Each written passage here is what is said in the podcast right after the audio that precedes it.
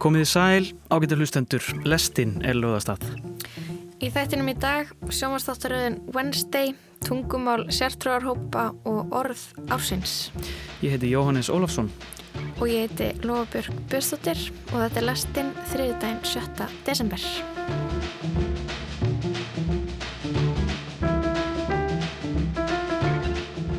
En jú, þú ætlar að byrja að segja mér frá bók sem þú varst að klara að lesa. Já, ég hef búin að vera að lesa svolítið af uh, svona óskálduðu efni undarfarnar vikur og mánuði og uh, það sem að einsku heitir non-fiction.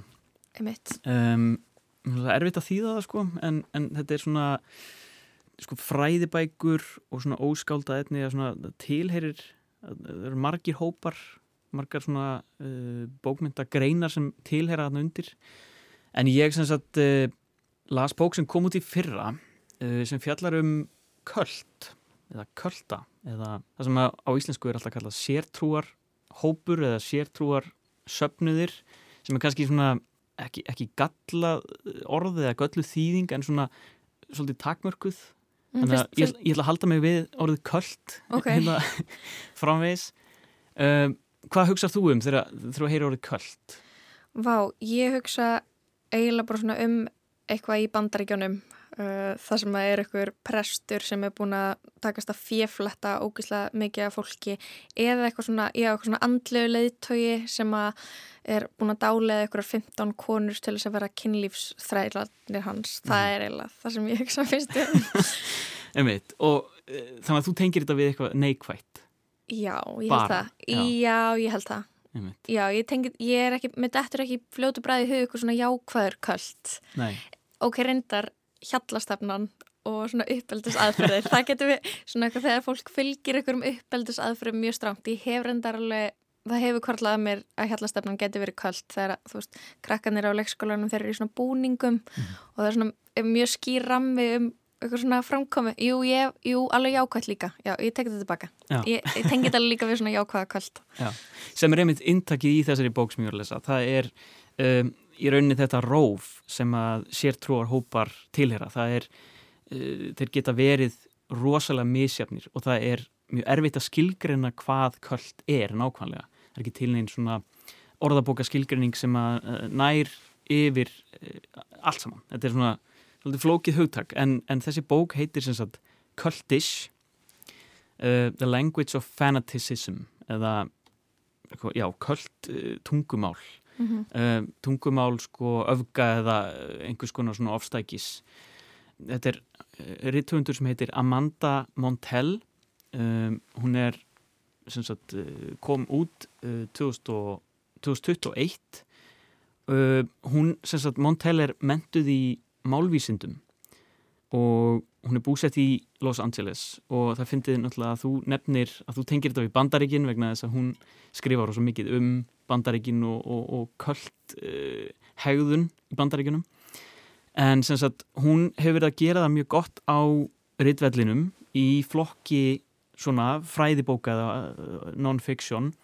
Hún skrifaði til dæmis bók sem heitir Word Slut um svona orðræðu uh, orðræðu greiningu á feminisma og svo í fyrra kom út þessi Cultis sem er orðræðu greining uh, köld, kölda Mm -hmm. uh, þetta er vandraða, vandraða orð sko, við þurfum, þurfum samt einhvern veginn að nota það svona.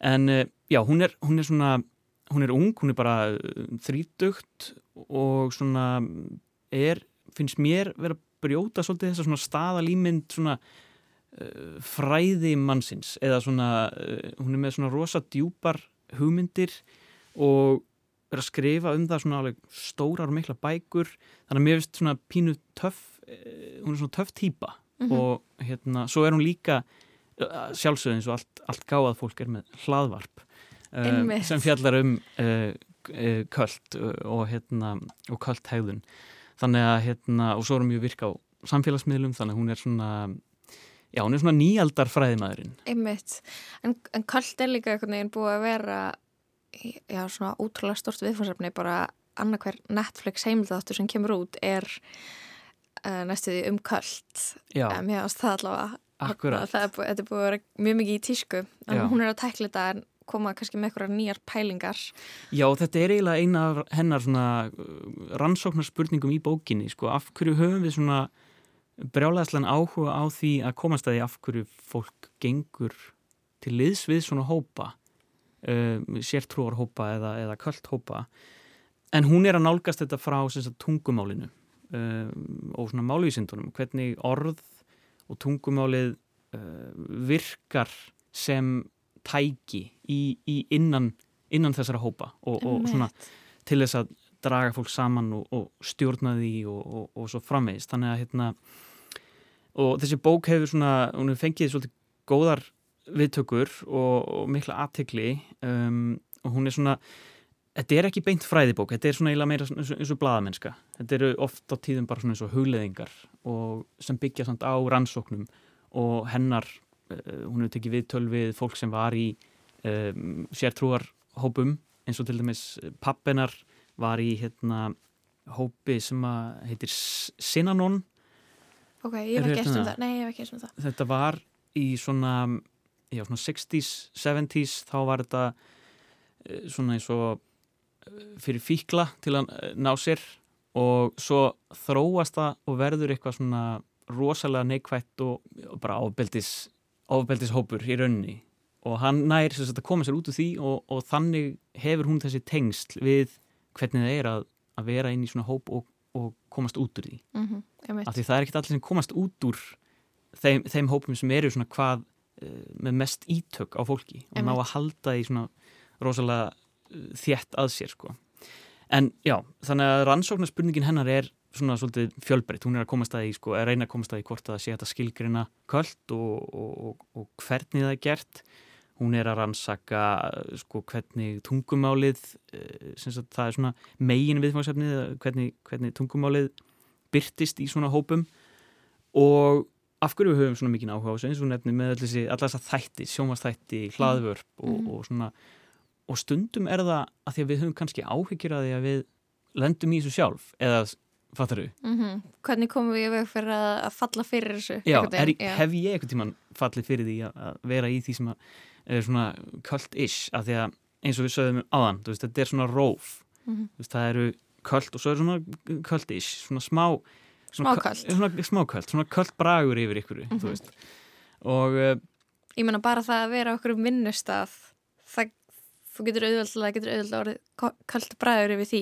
Eru okkur vinnustaf menning og svona viðtikinn hugsun og eitthvað sem má ekki og eitthvað sem á að gera eitthvað sem þykir töff, ég veit ekki er ekki, er ekki MR kvöld, er ekki MH kvöld líka? Jú, skólar og, mm -hmm. og mhm. svona, lok, svona lokuð kerfi svolítið, sem mm -hmm. að þar sem þú uh, tilengar þér tungutak og sjálfsmynd, að vera hlutið af þinni sjálfsmynd og þú uh, það er kannski erfitt að komast út úr í stundum veist, og, og svona máða af sér mm -hmm. Ég menna, er það ekki út af því að til þess að samþykja kvöldir og samþykja þessar reglur þá verður svona eiginlega að gleima öllu hinn og svona sleppa smá gaggrinni hugsun á meðan. Gefa eftir. Já, Já akkurat, samþykja. Akkurat. Mm -hmm. Og það er það sem hún kemur svolítið inn á, þessi, þessi svona tvöfalda um, svona cognitive dissonance á einsku, svona þessi svona að geta haldið upp í tveimur hugmyndum andstæðum hugmyndum á sama tíma. Þú veist, mm. þú trúir einhverju en það er samt kannski gegn þinni betri vitund. Er þversögnum við eitthvað sem þú veist. Já, mhm. akkurat. Mm -hmm en sem sagt uh, hún er líka, kemur svolítið inn á það að það er ekki, það er ekki vond fólk eða heimst fólk sem gengur til þess við, við, við kvöld. Það er svona stereotypan sem maður hefur samt. Það er svolítið stereotypan, mm -hmm. einmitt, hún er svolítið að, að hafna því og segja sko, það er einmitt þeir sem eru bjart sínir, klárir, metnaðarfullir og svona viljur til þess að skoða eitthvað nýtt og verða hluti af einhverju heild sem kannski vantar í lífið. Þannig að það er svona svo hugmynd er, já, hún vil meina að það sé einmitt gott, gott og metnaðfullt fólk sem að heita, eru þeir sem eru ginnkiptastir fyrir því að verða hluti af, af, af kvöldhópum. Sko. Ok, áhugavert. En um, já, þannig að sagt, uh, og annað sem er líka svolítið, sko, hún er að rekja sömar svona, uh, svona staðalýmyndir um, um kvöld. Það er þessi heila þvottur að tala um að fólk sé bara heila þvið og, og það ræður ekkert við e, sína hegðun innan hópsins, það bara það er bara matað af einhverjum hugmyndum og svona.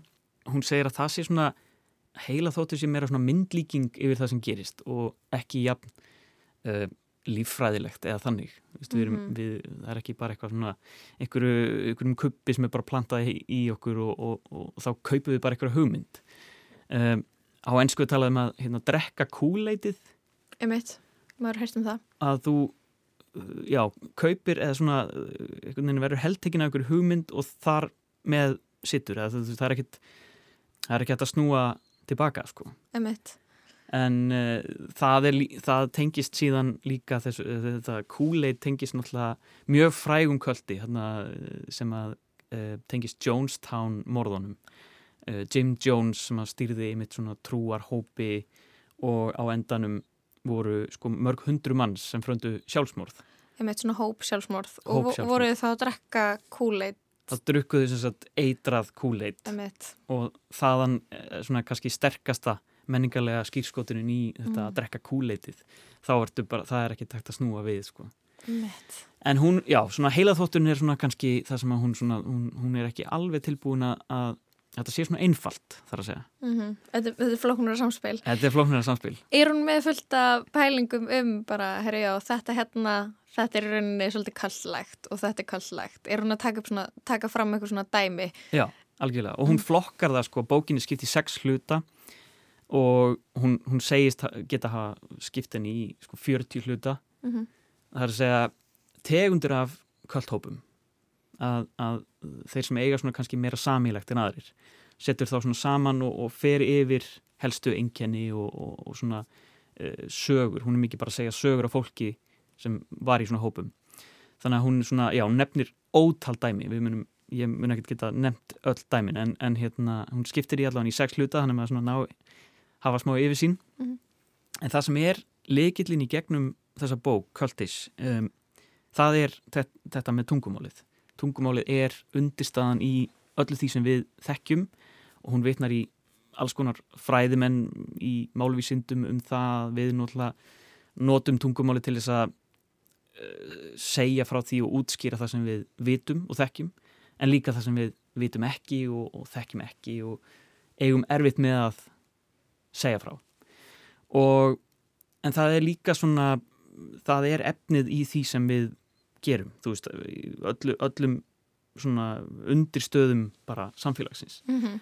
að það, það er tungumálið í, í sko bílstjórasætinu og það hvernig við afmörkum okkur sjálf með tungumálinu að, að vilja tilhera hópi og geta talað tungumál hópsins Mm. þannig að líkillin að þessu að skilgrina köld er gegnum tungumálið hvernig uh, hóparnir eignast sitt eigi tungumál.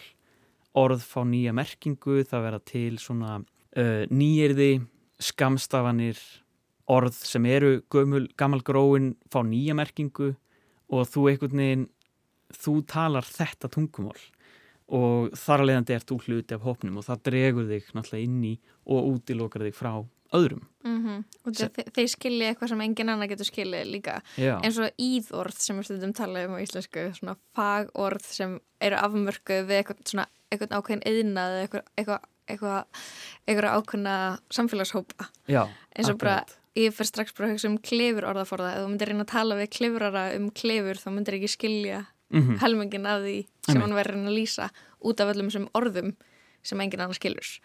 Já, og þú ert ekki hluti af hópnum þá ertu uh, utangars mm þá ert ekki, ekki með. Og það er kannski svona stærsti eiginleiki kvöldhópa að hérna þessi skilgrinning, það eru við hérna með þessa hugmynd og svo eru hinir. Og hættulegasta byrtingamyndin er náttúrulega þegar að sko hinir eru hættulegir. Við erum að gera eitthvað rétt. En svo eru aðrir hópar þar sem að þetta er ekki eins svona öfgafullt og, og, og, hérna, og það eru nefnd hérna nokkur dæmi sem kannski kom aðeins inn á eftir. En já, grunnurinn er eh, sem sagt tungumálið og svona orðræðu greining og hún notar hérna alls konar málvísinda hugtök og, og svona félagsfræði hugtök til þess að svona uh, setja þetta aðeins í, í samhengi. Hún notar til dæmis uh, þetta sem við nefndum á hann, cognitive dissonance, þetta svona svona misræmi, svona hugar misræmi uh, og svo þess flókið hugtak sem heitir Thought Terminating Clichés Ok, ég hef ekki heyrt um það áður. Ég hef ekki heyrt um það heldur. Um, Ég var eitthvað að reyna að þýða það í ganni uh, eitthvað skonar hugsunar eða rökræðu lokur eða tálmar. Ok, eitthvað sem að ég segi uh, til dæmis að við varum að tala saman um eitthvað jafnvel pínu ósamala og ég segi eitthvað sem að svona veldur því að við komumst ekki lengra með umræðina að sem sagt svona náum ekki lengra. Það er til dæmis sko eitthvað svona í sumum hópum er svona ekki láta óttan stjórnaðir eða ekki láta, þú veist, hugsaðu bara um líf þitt sem örlög eða eitthvað svona, þú veist, þú kemst ekkert út fyrir það, sko. Mm. og svona, þú veist boys will be boys, þú veist. Þetta er svona bara, þú veist einföld skýring eða, þú veist, vegir guðsuru órannsakanlegir. Er þetta ekki eitthvað svona eins og ef maður er að rífast um bóluefni og mannskjan segir bara að það er verið að sprauta 5G chipi í þig í bóluefninu. Og þá segir þá er maður eitthvað, já, ok, þá er þetta ekki, þetta er ekki Jú, það. en þetta er svona eitthvað útskýringar sem er ekki hægt að rökrað um eitthvað Já, svona en þú- alhæfingar. þú get, svona alhæfingar frekar. Mhm. og þú getur alveg rökrætt það áfram. Já, ok, en eins og sko, eins og þetta reddast er pínu þetta, Mhm. þetta reddast. Og það er svona slær á samræðina það er svona svolítið eh, þessi Mm. punktur og svona kvöldhóparnir sem að nota þetta eru einmitt eh, gera það til þess að loka þig inn í þannig að þú þurfir ekki að klára rökraðina, þú þarf bara að trúa og þú þarf bara að vera með þannig að hérna ef þú ert komin inn í eitthvað svona hóp sama hvort það er sko, crossfit eða þú veist, einhvers konar svona bara líkamsrækt, eitthvað sem á að vera bara jákvætt og, og gott en þá ertu kannski komin með tungutak sem að þú veist, gerir þig svo algjörlega rótfastan í þeim hópi að þú getur alltaf að tala um sko annað. Mhm, mhm, þannig að það er líka smá svona, svona þessi köld bragur sko. Einmitt. Og já, svo er hún líka þú veist, með þessi svona hugtök sem eru svolítið á lofti núna eins og love bombing þú veist, að bara auðsa eitthvað ástar orðum til þess að bara þú veist fanga fólk einhvern veginn í, í þú veist, kærleik og, og svo uh, ga, ga, gaslýsingar. Gera fólk háð viðkenningu frá þér. Já, akkurat. Mhm.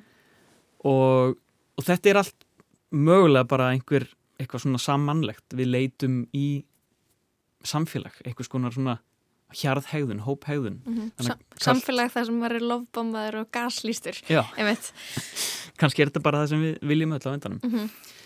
en uh, já, svo kannski svona ég veit ekki, niðurstaðan í þessu þú veist, ég meina við erum uh, við erum búin að vera að tala um tungumálið og það er svona svona helsta niðurstaðan að, að við hefum ekki endilega óttast þetta tungutak eða þessa misbeitingu eða beitingu á tungumálinu til þess að fá fólk saman heldur kannski bara að vera var um okkur. Ég held að það sé svona kannski svolítið niðurstaðan í bókinni að við Mhm. þurfum að vera svona meðvituð um það að tungumálið er valdatæki og þú veist, varast þessar fulleringar sem að má ekki gaggrína mm, og allt það sko. Þú, þú sagðir, sagðir crossfit, kom hún með fleiri dæmi úr bandarískum samtíma um eitthvað svona hópa sem bara, já, þá pælir í það þetta kvöld, það Já. þetta. Sko, hún nefnir nokkra svona íþróttahreyfingar eða svona Hotjóka, eh, nei.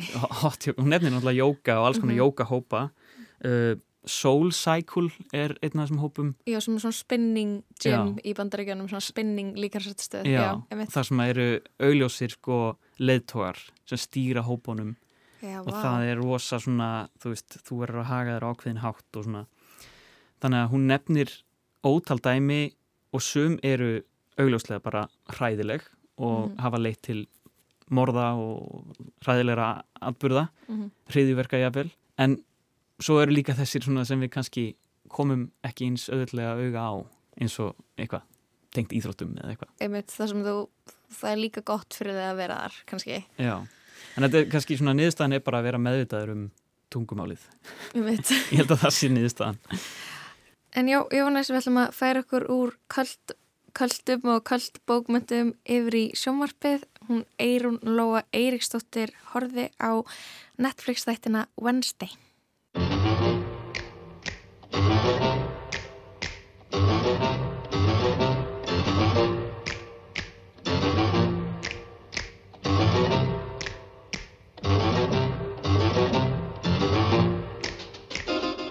Adamsfjölskylduna þar vart að kynna en hún hefur notið vinsalda í rúmlega 8-10 ár og öðlast sess í dægurmenningunni. Fjölskyldan hefur skemmt áhöröndum með grótesku sérvitringsháttalægi í sjómasáttum og kvikmyndum. Rætur hennar liggja í myndasögunni, listformi sem hefur löngum endurspeiklað samfélagið sem hún sprettur upp úr. Fjölskyldan er tímalauðs þar sem hún hafnar nútíma tæknivæðingu og er alltaf sömu sig þó söguhauturnar þroskist og eldist. Í nýjum sjómasátum Wednesday sem voru frumsýndir á Netflix á miðvöggudegi, senkt í november, er kastlósunni nú beint að dótturinnu Wednesday fremur en fjölskyldinni sem slíkri og er tótnin strax slegin með því að hverfa frá hennu kunnuglega uppafstefi Adamsfjölskyldunar sem íslensk leikskólabörn syngja yðurlega með texta um ofsaglaðan apa getandi banana. En eftir fyrstu viku í síningu bárust fregnir af því að þættinir eru í fyrsta sæti yfir mest streymdu ennsku mælandi þætti frá upphafi og skákuðu þeir þar með hinnum geysi vinsalu Stranger Things. Vensti þættinir eru aukþess í fyrsta sæti á topp 10 vinsaldalistanum á Íslandi. Adamsfjölskyldan er hugarsmíð Charles Adams sem hófa gera myndasögur á fjórða áratug síðustu aldar og byggði þær að einhverju leiti á lífi sínu og áhugamálum. Vensti þættirnir eru aftur verk meistara Tim Burtons sem vandar mjög til verka og er fagurfræði hans allsráðandi. Það múð finna ákveðin enduróm að fyrirverkum um Adamsfjölskylduna og fá aðdáðundur því nokkuð fyrir sinn snúð.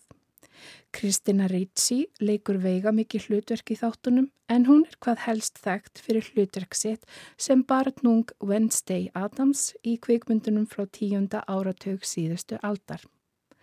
Wednesday þáttunum er líst á Netflix sem gaman hrollvekju og eru skrifaðir inn í ákveðna satýru sem hefur einkjent Adams-fjölskylduna frá upphafi. Það kveði við nýjan og nokkuð alvarleri tón þar sem talaður undir rós um samfélagsástandið í bandaríkjónum. Það er stöðu ungmenna á jæðurinnum, fordóma, útskúfun, ofbeldi og einelti gagvart þeim sem vika frá því sem telst eðlilegt.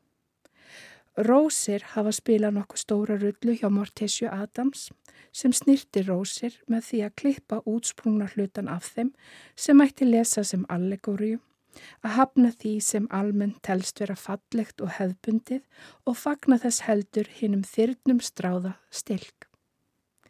Ég fættist til ljósins og lífsins, söng Ragnæðu Gröndalum árið, en Wednesday Adams fættist til myrkurs og mæði á þöstu deginum 13. og fekk miðvíkudagsnafnið í vöggugjöf frá móðusunni. Íslendingar tengja mánudaga við mæði en miðvöggudaga til moldar og á það príðilega við þegar kemur að venstei en hún hefur unun að grótæskum gravartökum. Mæði kemur fyrir í þáttanöfnum í vel útfærðum orðarleikjum sem endur spekla efni hvers þáttar. Í fyrsta þættinum fá áhörfundur insýn í skólagöngu sískinana Wednesday og Pugsley Adams sem gangaði í nokkuð hefðbundin amerískan framhaldsskóla.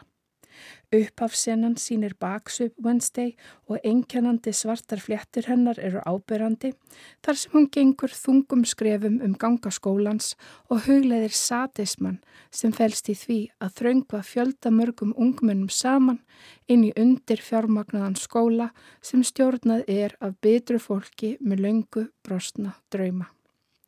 Hún leitar upp í bróður sinn sem hefur bundin og tróðin í skáp. Hann er með eppli í munni sem er ákveðin endurómur til þess sem áhörundu sáu í kvikmyndunum. Vensti segir að hún einn hafi leifi til að kvelja hann og ræðst á þau sem leggja hann í einelti með því að sleppa mannætu fiskum í sundlaug eins kvalar hans. Þetta atvik vekur upp ákveðin hugrinningatengslu skóla árasir í bandaríkjónum og er nokkuð bratt fyrir andrumsloft samtímans. Venstegi er í kjölfæri vikið úr skólanum og sendi Nevermore heimavistaskóla fyrir utangars ungmenni. Venstegi Adams var í kvikmyndunum bráðgáfað og undarlegt barn sem var áallt með nýttin tilsvör.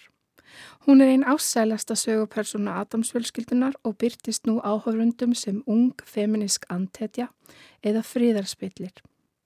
Orðræða hennar er mjög femnísk og hún endur tekið gaggrind fyrir að rugga bátnum og vera ekki stilt og góð.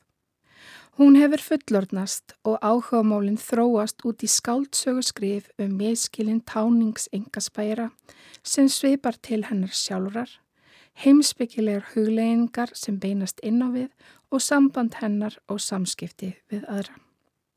Þrátt fyrir það að vera mótfallin þeirri hugmynd að gangi sama skóla og fóreldrarnir og dvelja í skugga fyrir afreika móðu sinnar, leggur hún sín lóð á vogaskálanar til að upplufísa dularfullt mál um skrýmsli sem herjar á bæjarbúa og samnefnendur. Samband hennar við móðurina er flókið og líka samskipti hennar við skólastjóra Nevermore-skólans og herbyggisfélaga sem er algjör andstæð hennar. Wednesday er vön því að vera utan gars en bregður eiliti við að vera komin í skóla sem samanstendur af varúlfum, vampýrum og öðrum yfirnáttúrulegum verum sem eru einnig á jæðri samfélagsins. Hún stingur þó enn í stúf vegna sérfusku sinnar, lita, óþóls og uppreysnarkirni. So tell us everything. Since you've abandoned me here, I've been hunted, haunted,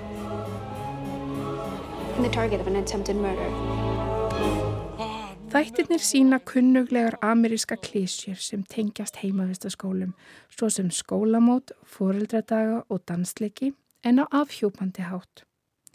Hér má nefna senu þar sem vennstei fær eins og öskubuska, samkvæmiskjól að gjöf frá hjálparhöndinni þing og gengur í honum ólundarlega niður stiga á meðan vonbyðil hennar horfir með aðdáun á.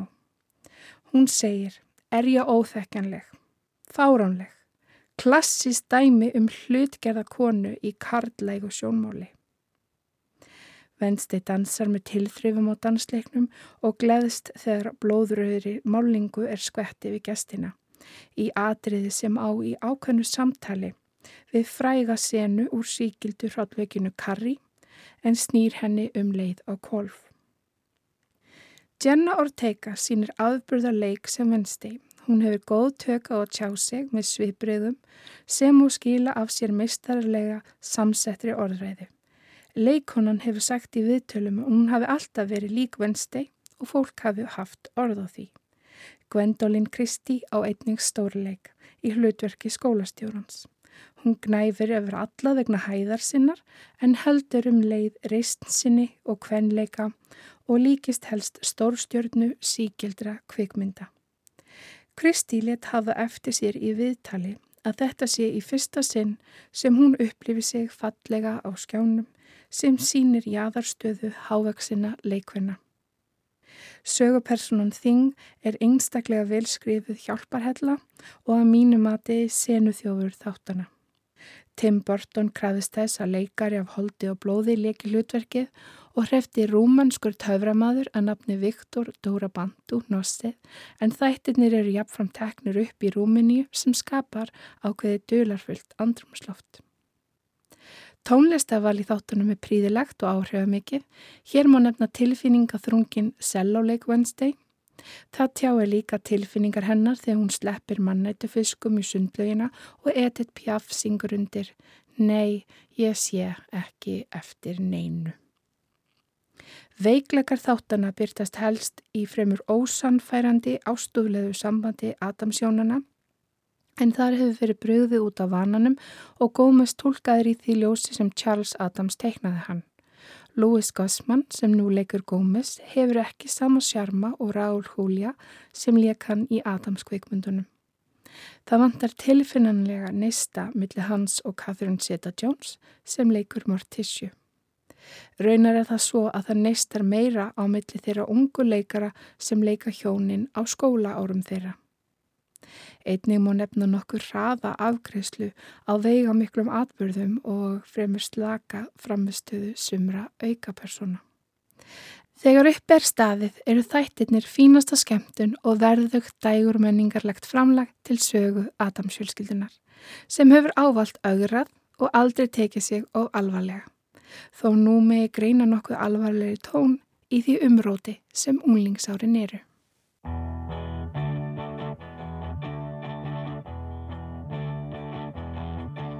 The sun goes down and the moon comes up.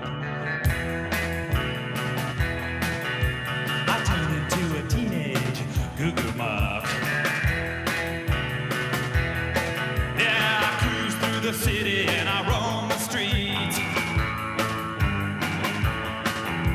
Uh, Looking for something that is nice to eat. You better duck when I show up. I'm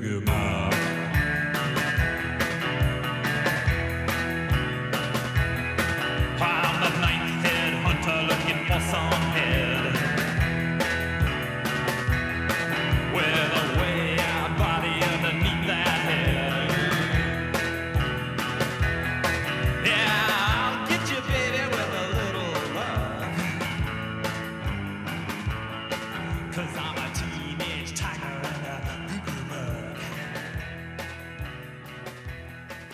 Bandaríska hljómsveitin The Cramps og lagið Goo Goo Muck.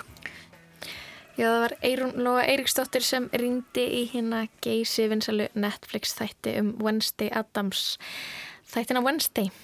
En í byrjun þáttar vorum við að velta fyrir okkur tungumálunu í samhengi við költa eða sértrúarhópa og við ætlum að fara aftur á svipaðar slóðir og kynna okkur orð ársins. Yo no soy envidia, soy tu bizcochito. Pero tengo todo lo que tiene delito. Que me pongan nena, sol que derrito. El mal de ojo que me mando me lo quito. Yo no soy envidia, soy tu bizcochito. Pero tengo todo lo que tiene delito. Que me pongan nena, sol que derrito. El mal de ojo que me mando me lo quito.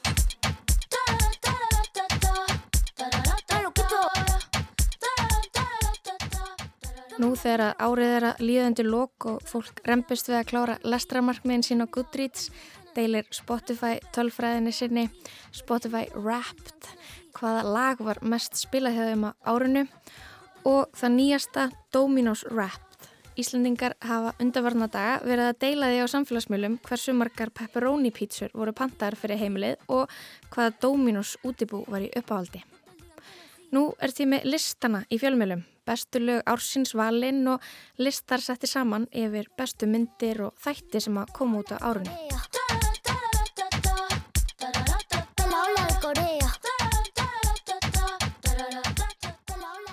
Og nú er líka komið að því að velja orð ársins og í gær tilkynnti Oxford orðabókin orð ársins 2022. Orðið var valið í kostningu á netinu, það var settu saman listi af orðum eða hugtökum sem eru lýsandi fyrir árið af einhverjum ástæðum, mikið notuð eða kjarna einhverja stemmingu sem að ríkti á árinu 2022. Og orðið er Goblin Mode. How can I be homophobic? My bitch is gay. Hitman in a top try, see a man topless, even a stick is gay. Kostningin var á milli Goblin Mode Metaverse sem er nýr síndaveruleika heimur á netinu sem kemur frá Zuckerberg Facebook fólkinu sem heitir núna einfallega Meta og svo millumerkið I stand with, hashtag ég stand með. Millumerkið sem að fólk notar til að lýsa yfir stuðningi við einn ímsu málefni. Konur í Íran eða fólk í Úkrænu. Goblin Mode hlaut yfirburða kostningu, fekk 93% atkvæða. En hvað þýðir þetta orð og hvaðan kemur það? My husband says goblin mode activated when we start to have sex. Then he growls and then he acts like a caveman. And then he says goblin mode off when we stop. And then pretends to not know what I'm talking about when I ask him about it. Goblin mode might be one of my favorite things to happen online in a very long time, just because it's showing us how journalists just seem to be just the stupidest. Tony, that's verging on goblin mode. Oh, I'm sorry. I didn't mean to go goblin. Lady running that whole whip. Two fingers up, one down with my toes ten. Flued out my boobs out, put a cork in it. Love it when you be crying out when I'm Það er dæmigert 2022 dæmi að það má reykja vinsaldri þessa orðs til leikonunar Julia Fox sem er hvað þekktust fyrir hlutverk sitt í Uncut Gems og almenningur kentist síðan betur þegar hún var kærasta Kanye West í skamman tíma eftir að hann skildi við Kim Kardashian. Julia Fox er internetstjarnar sem talar opinskátt um allt sem henni dettur í hug á TikTok og Instagram, klæðir sig djarflega og segir svona hluti. would you consider yourself Ye's muse? Um, yeah, a little, maybe. What does that so. even mean to no one that's ever been? Because I remember you were like, "I've this is not the first time that I Yeah. like." What what is a muse? I mean, I was Josh Safdie's muse when he wrote Uncut Gems. Right. Do you know what I mean? Like things like Right. that. Like I, I think people make it seem a little more. You always have that strong eye makeup. Is that you, or do you have a makeup artist who does that for you? I actually did it myself. Yeah. Um, but it's a masterpiece, if I do say so myself. og netverjar elskana eða hatana en allir voru að tala um hana. Samkvæmt Google Trends byrjaði Goblin móta náð flugi í februar í kjölfar photoshopaðarar fyrirsagnar sem varð væral á Twitter. Fyrirsagnin var Julia Fox opnar sig um erfitt samband sitt við Kanye West. Hann fílaði ekki að ég fór í Goblin mót. En Julia Fox saði þetta aldrei en þetta var nóg til að koma þessu hugtæki inn í málvitund netverja. Þetta er ein upprunasagan en eins og allt á internetinu þá eiga fyrirbæri alltaf marga uppruna. Mím byrjaði að vera til út frá gríni á Reddit eða TikTok-vídeóum eða týstum sem verða væral. En hvað þýðir þetta? Goblin Mode getur þýtt það sem þú vilt að það þýði. En starfsfólk Oxford orðabókarinnar tengir vinsaldraðis við aflettingar sótvarnartakmarkana og segir það lýsa viðhorfi fólk sem hafnar hugmyndinu um að hverfa aftur til venjulegs lífs. Goblin Mode er hegðun sem fælst í því að vera eftirlátur við sjálfan sig, ofdegra sig, fagna leti, græðki, suppuskap, sóðaskap. Goblin Mode er að hafna normum samfélagsins. Að vera í Goblin Mode er að upphefja siðspillingu, ódæðisverk, fólsku og slæmar ákvarðanir. Goblin Mode er líka ansvar við That Girl trendinu þar sem að stelpur á TikTok síndu morgunrútínuna sína. Vakna 5.30, gera sér grænan djús, 40 mínútna húðrútína, ræktin, skipulagsdagbók, alþrif á íbúðinni fyrir vinnu og niðurskorið gremmiti í næsti. Goblin Mode hafnar því þeirri hugmynd algjörlega að fólki er reyna að vera besta útgáfan af sjálfu sér.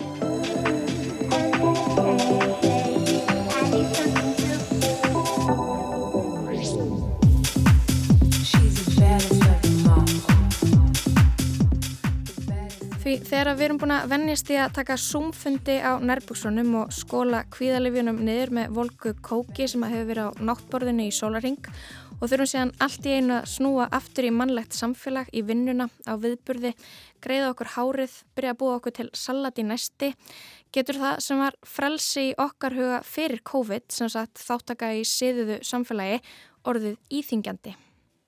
Við erum samfélag sem var búið að vennja sig á einangrun og púka hegðun. Hegðunum sem við vöndum okkur á í COVID. Því púkar spá ekki í því hvernig þeir líta út, þeir spá ekki í því að koma vel fyrir. Þeir sinna grunnþörfum sínum, eru kvatastýrðir og þurfi ekki að hugsa um mataræði eða innanhúshönnun.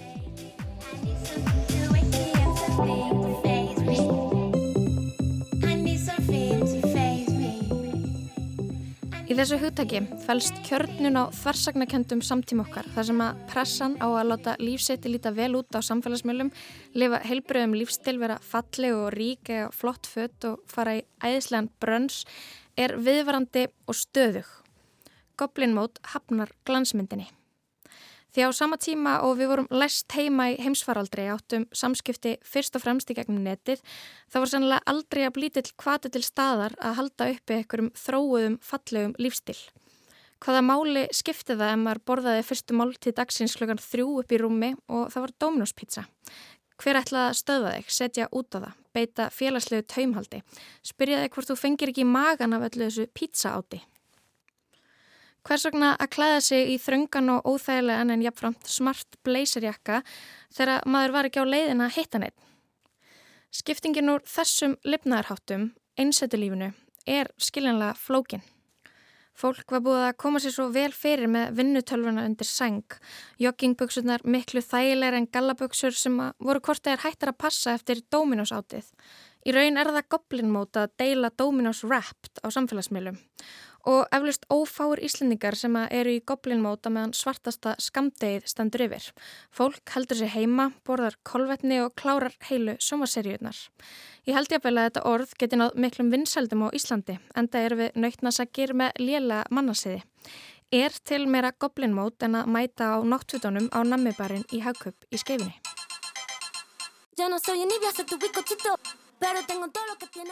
Þetta orð ársins 2022 fangar að mínum mati ansi vel tíðarandan. En ég ákvaða að leita til önnu sýriðar þráinsdóttur, málfarsráðanautar Ríkisútarsins til að ræða við hana um mögulegar þýðingar á þessu orði.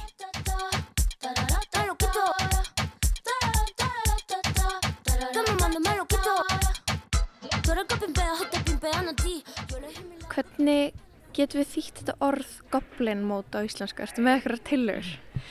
Ég er búin að velta þessu svolítið fyrir mér og, og það er kannski ekki auðvelt að finna einhverju svona goða tillögu. Oft er það bara þannig svona tillögu verða til og, og einhver staðar út í samfélaginu og svo bara festast þar eða festast ekki.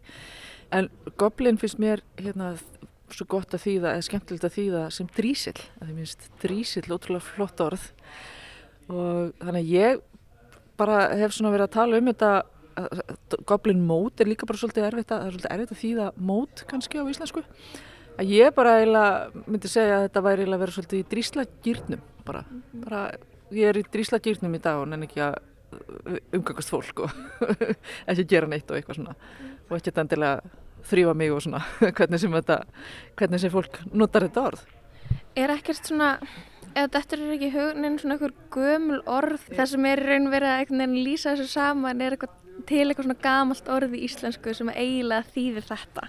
Já, það hefur, hefur örglega ímislegt verið notað, bara eins og þú komst með útigangs. Mamma sagði, örglega fólk af eldri kynnslóðinni sagði stundum, þú ert nú bara eins og útigangsross, sem að því það bara þú ert reitt og tætt og illa til höfuð og eitthvað svona. Og ég, ég vil ekki segja að mamma mín hafi sagt þetta við mig.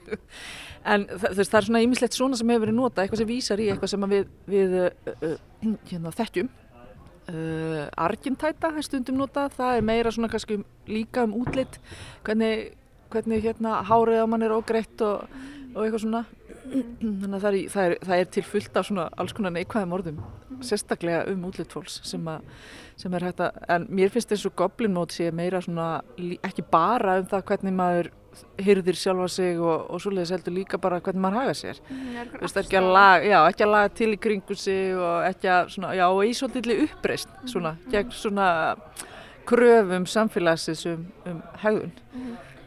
Ég fór sko að hugsa um út af því að við erum kannski ekki beint með svona goblins í íslenskri, svona, íslenskri þjóðtrú en við erum ofta að tala um náttúrulega jólasveinuna og leppalúða og ég fór strax að hugsa um jólasveinuna og leppalúða að, að vera algjör leppalúði er kannski líka einhvern veginn svona sama afstæða og vera í goblin mút Já, ég að leppalúði myndi nú bara ná þessu svolítið vel og bara hafa sér eins og leppalúði eða vera eins og leppalúði mm. eða vera algjör leppalúði það, það myndi kannski lýsa þessu svolítið svolítið vel. Mm -hmm. Ég hef náttúrulega smá samúð með auðvitað leppalúða kannski hef ég það líka bara með fólkinu sem er í goblin mót En argintæta er mjög gott þannig að ég ma maður mann eftir sögunum um argintætu sem var svona eitthvað vítið til varnar. Maður átt að muna að greiða sér hári þegar maður var lítil stelpa.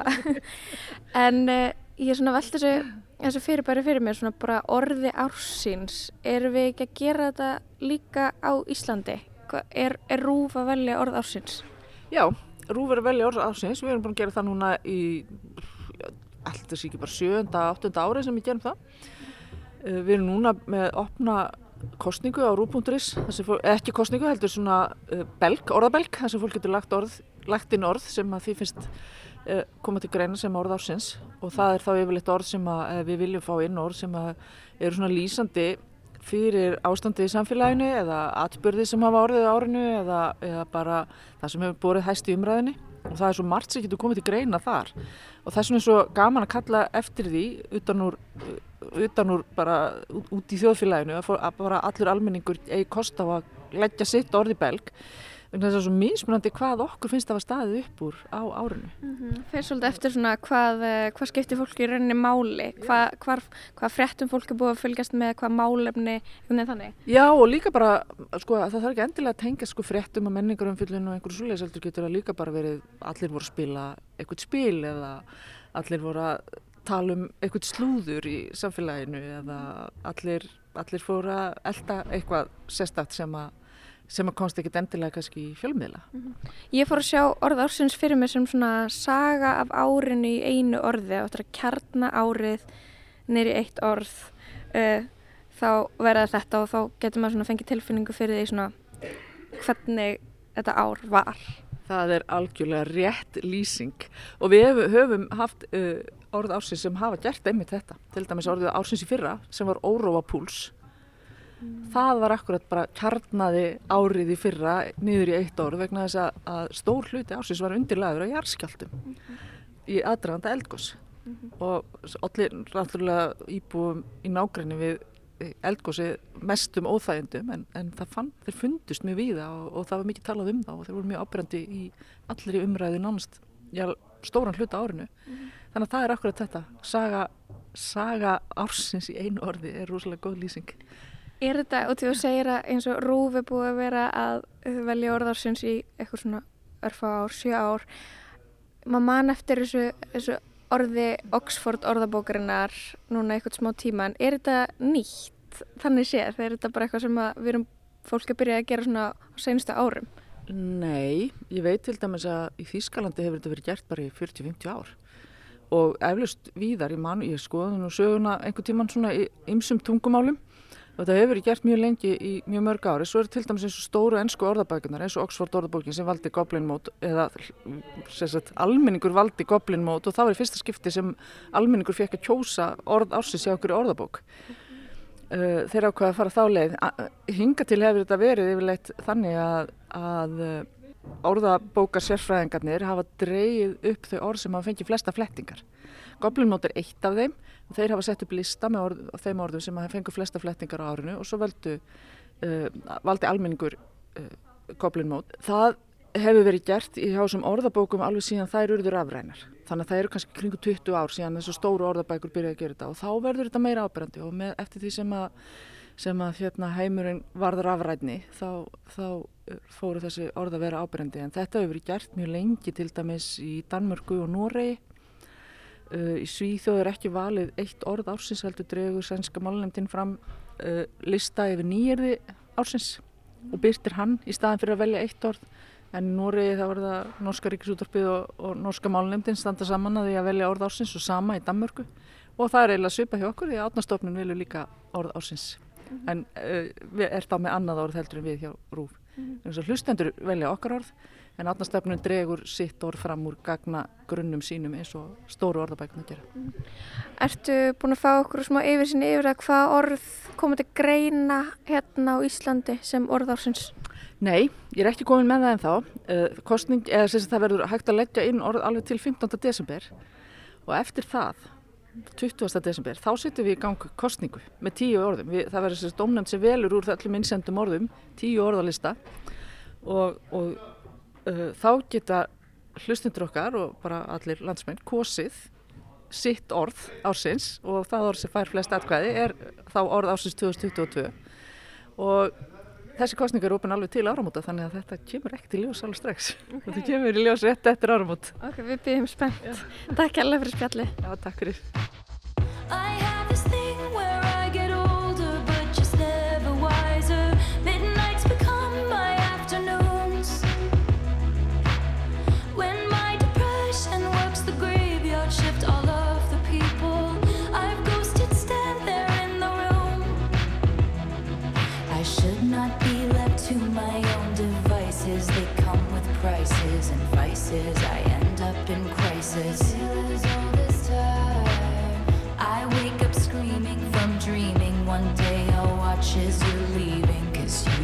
tired of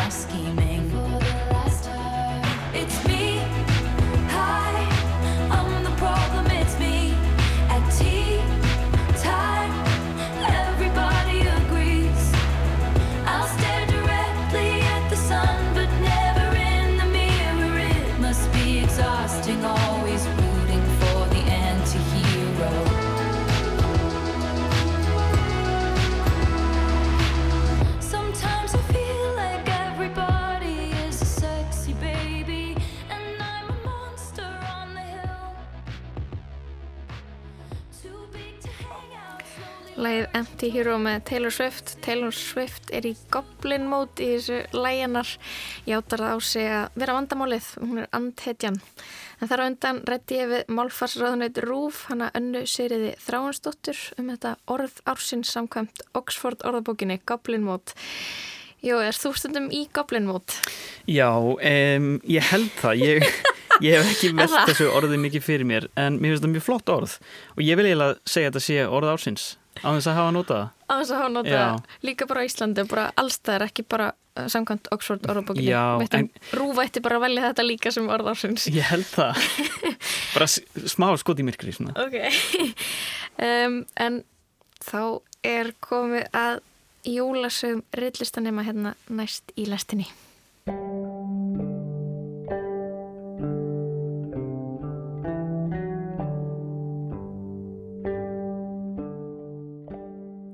Í reyðrinu er reyður eftir Birgitu Björgu Guðmarsdóttur. Borstofu borðs fóturinn er skakkur, svo diskarnir og glösin halla öll niður á við. En hallin er ekki þannig að borðbúnaðurinn hrinni á gólfið. Dúkurinn er líka svona heppilega stamur. Fyrir miðju borðsins hefur grænu reyðri verið komið fyrir. Í því kvíla fjögur hvít ljósegg. Gráðugar hendur tegja sig í áttað eggjunum, hvert og eitt vil fá sitt í lófan til að bera að munni sér og gleipa og kingja og svolgra í sig til að eiga ljós í maganum fyrir þann hroll svarta vetur sem vonir á. En fyrst grænmetið.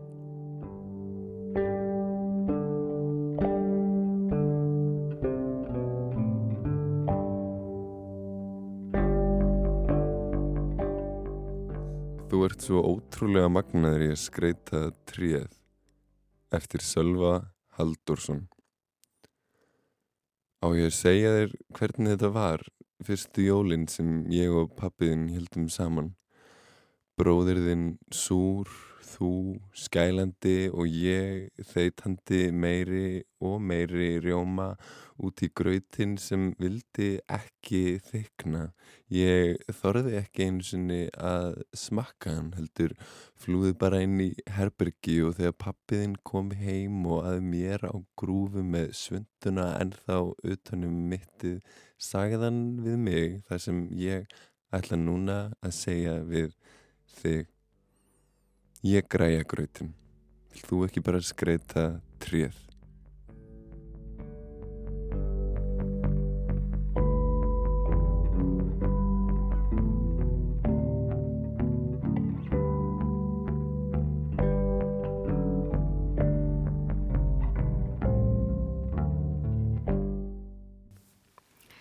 Þá verður þátturinn ekki lengri í dag við Jóhannes og Lóa þökkum samveldina.